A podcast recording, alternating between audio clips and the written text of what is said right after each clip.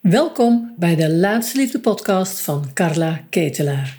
In deze aflevering geef ik je mijn inzichten en adviezen over het vinden en houden van een gezonde liefdesrelatie. En waarom het je tot nu toe niet gelukt is en wat er nog nodig is, zodat jij ook jouw eindman of eindvrouw in je armen kunt sluiten voor de relatie die je zo graag wilt. Deze week vertel ik je graag verder over B&B vol liefde. En ook over ja, welke inzichten en, en ja, welke inzichten Petri ons eigenlijk geeft. Ja, over de mogelijkheden in de liefde, over de onmogelijkheden. Wat doen we nou wel goed en wat zou je dan beter anders kunnen doen om die liefdespartner te vinden? Nou, even terug naar de B&B, de liefde.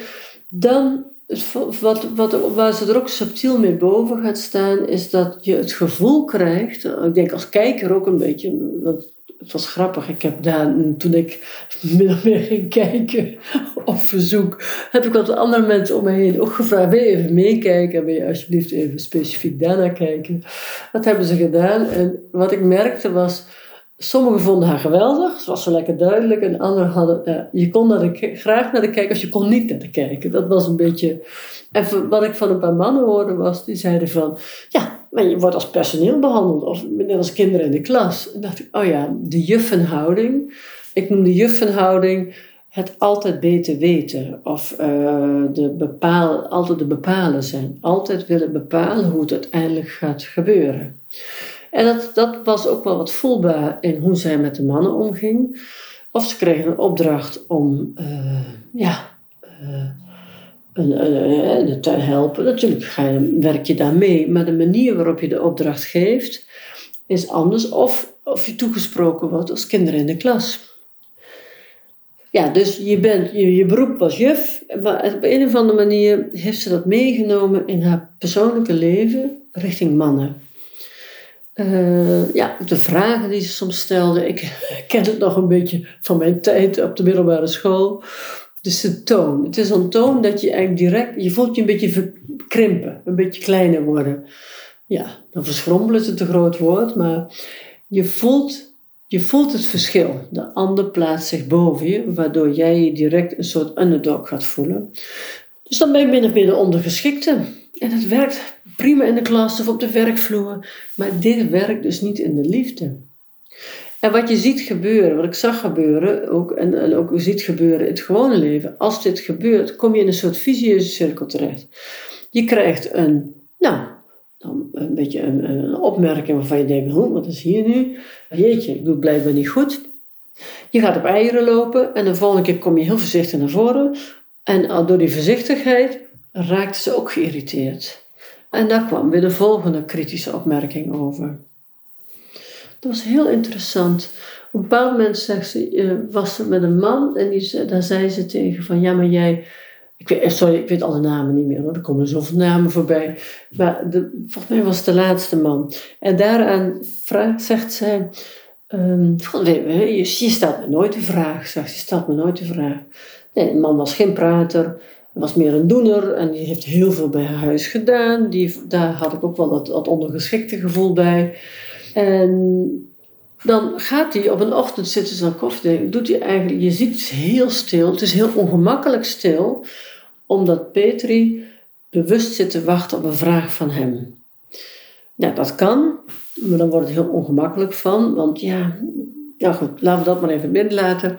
Uh, en dan komt hij heel voorzichtig met een vraag ik vind het even niet meer uit mijn hoofd, maar het ging over, ja, heb je gisteren nog wat leuks meegemaakt? Nou, dan kreeg hij de sneer. Hoezo gisteren? Die was er zelf toch bij? En nog een ander moment stelde hij een vraag, werd hij ook een beetje afgebrand. En toen dacht ik, oh ja, dit is er wat er gebeurt. Dit is het gevoel wat mannen hebben, en niet alleen bij Petri, maar dit is vaak een gevoel wat mannen hebben, of vrouwen ook bij mannen, kan allemaal. Ehm, wat ik ook doe, het is nooit goed genoeg. En als je dat gevoel hebt, dan ben je met iemand die boven je gaat staan. Als je A zegt, zegt de ander B. Als je B zegt, zegt de ander A. En dat is de visieuze cirkel, want je gaat steeds meer op eieren lopen. Nou, dit programma is natuurlijk dat, dat de mannen met zelfvertrouwen die zeggen: Ja, toedeledoki, ik vertrek. Dan maar niet, ik ga er vandoor.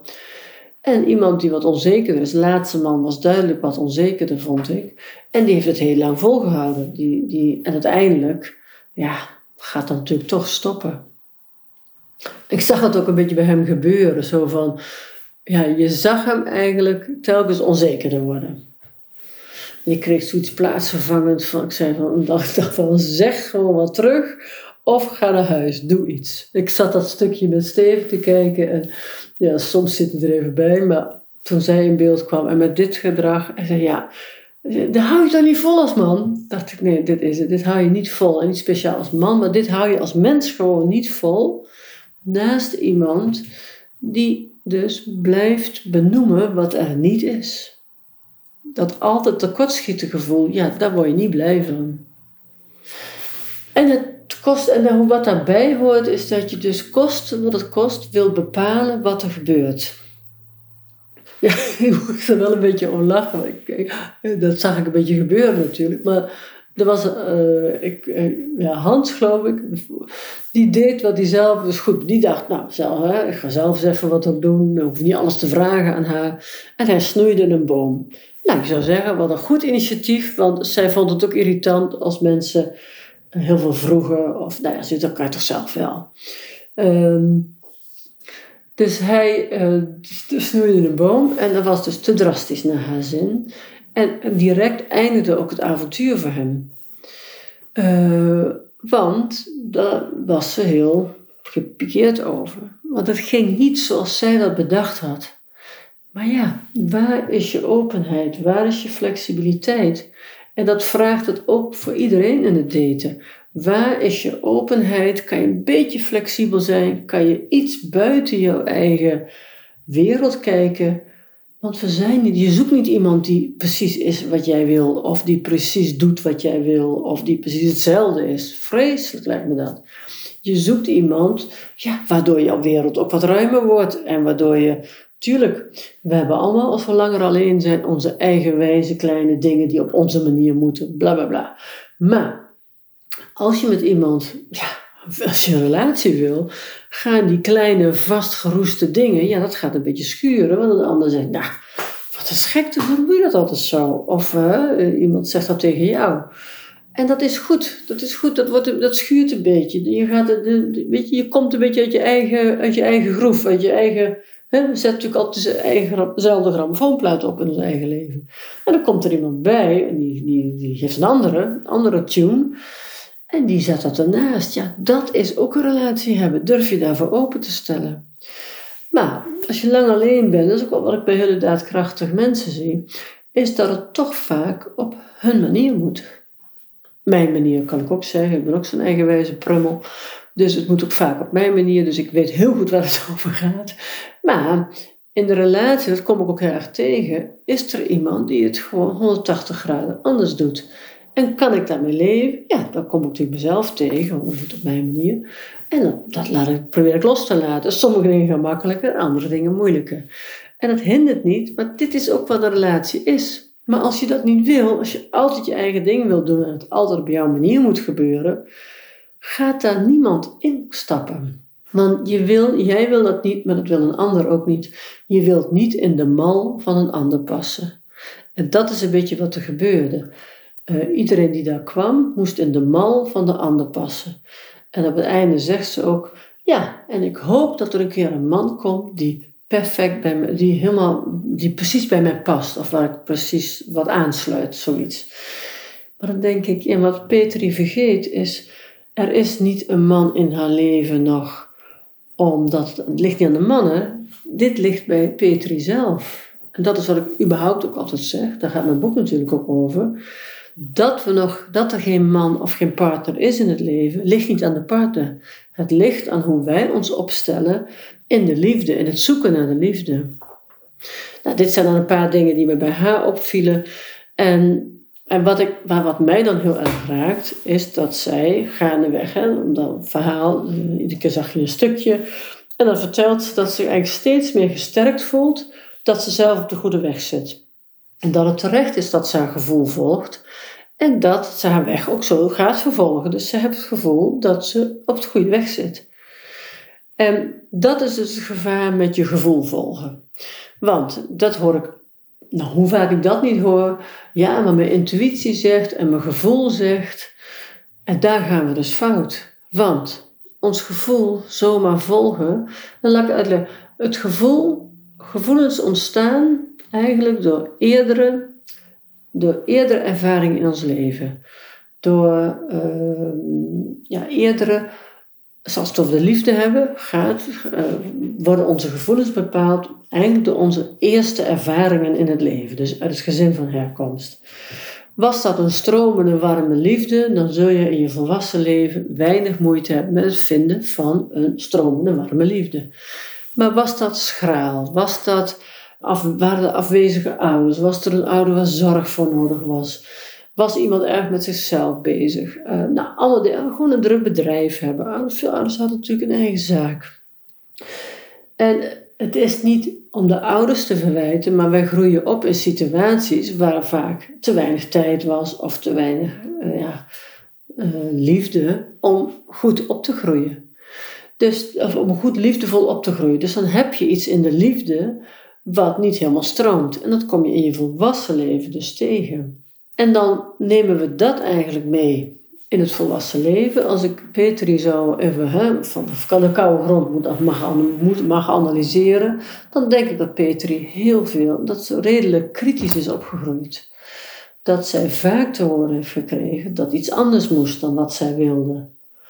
Um, ik heb ooit een therapeut gehad die zei, een hele goede therapeut overigens, en die zei zo binnen, zo buiten. Dus wat jij naar buiten brengt, zit ook van binnen. Dus als ik een hele kritische vrouw ben, dan ben ik kritisch benaderd als kind. Dan heb ik dat ergens meegekregen en wat in ons zit, brengen we, of we dat nu willen of niet, naar buiten. En dat was hier dus ook, vond ik hier heel zichtbaar. Erboven staan, kritisch zijn, niet verbindend zijn, maakt, hoe ik het dan zie, is dat daaronder een uh, ja, er ligt gewoon pijn onder. Pijn van niet gezien, niet gehoord. Het mag niet op mijn manier. Het moet, moet hoe anderen het willen. Nou, en dat nemen, we, dat nemen we in.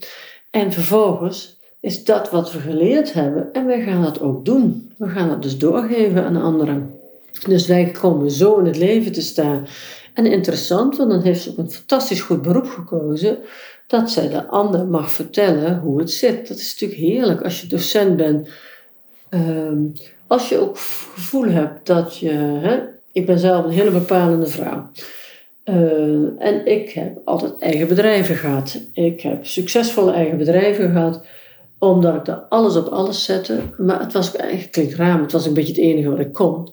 Want ik, ik, wilde het altijd bepalen. Ik heb een jaar of zeven bij loondienst gewerkt en ik werd daar ook ongelukkig van. Ik zat in de kinderopvang en ik moest altijd uitvoeren wat anderen me oplegden. Dan had Den Haag weer een nieuwe, dan was er een nieuw kabinet en dan moest alles weer anders en dan moesten de kinderopvang doen, alles weer anders. Ik werd daar niet gelukkig van. Dus dat is zo grappig.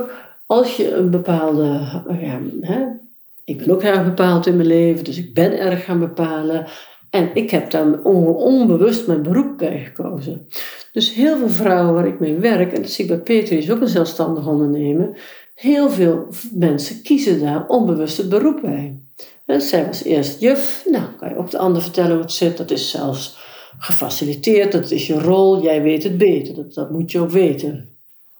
Dus dan past dat heel goed, dan, is, dan maak je eigenlijk gebruik van een kwaliteit van jezelf.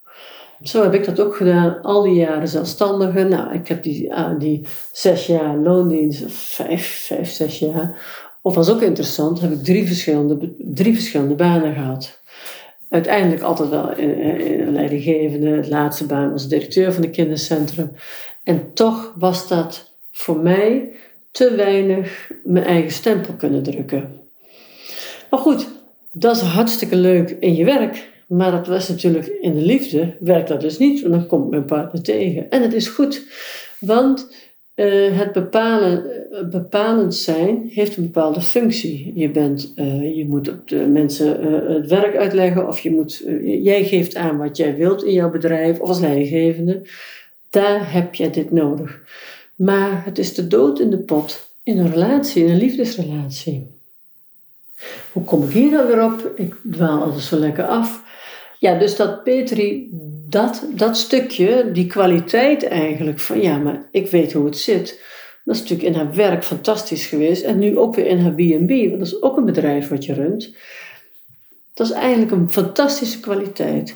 Maar wat mist is dat zachte vrouwelijke ontvangene. Dus dat je open kunnen stellen. Want als je deze energie van ik regel de boel wel, ik ben de fixvrouw, ik regel het wel, meeneemt in de liefde, ga je gewoon niemand vinden. En het pijnlijke vind ik dan dat Petri dus denkt dat ze ja, het echt van overtuigd is dat ze op de goede weg is. Maar haar gevoelens, uh, oh ja, daar was ik gebleven.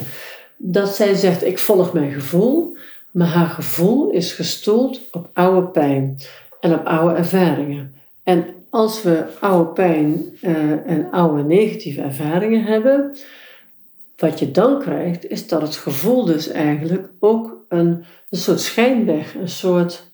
Dan vertrouwen we op het gevoel, maar dat gevoel wijst ons precies de verkeerde weg. Het wijst ons naar uh, hart op slot doen, laat ik de controle maar houden, beter alleen dan samen, alleen weet ik waar ik aan toe ben, samen, met samen weet je het nooit. Uh, dus dat is eigenlijk de weg die we volgen als we het gevoel rukzichtloos volgen. Maar het gevoel, die pijn eronder moet eerst bekeken worden. Dan pas kun je je gevoel echt volgen en dan kan je erop vertrouwen. Nou, je hoort het, ik ben er vol van. En ik ben er zo vol van omdat ik weet dat het anders kan. Ik ben dagelijks, laat ik aan vrouwen zien dat het anders kan. En, dat, en er ontstaan prachtige liefdes. Ook, op het level van, hè, ja, ik weet veel, hè, ik, ik bepaal het graag. En dat je daar dus ook iemand naast vindt die ook een stem heeft en die een krachtige stem heeft en die jou aan kan en die dat, hè, dat stuk, dat, het is toch een dominant, het is gewoon een dominant stuk.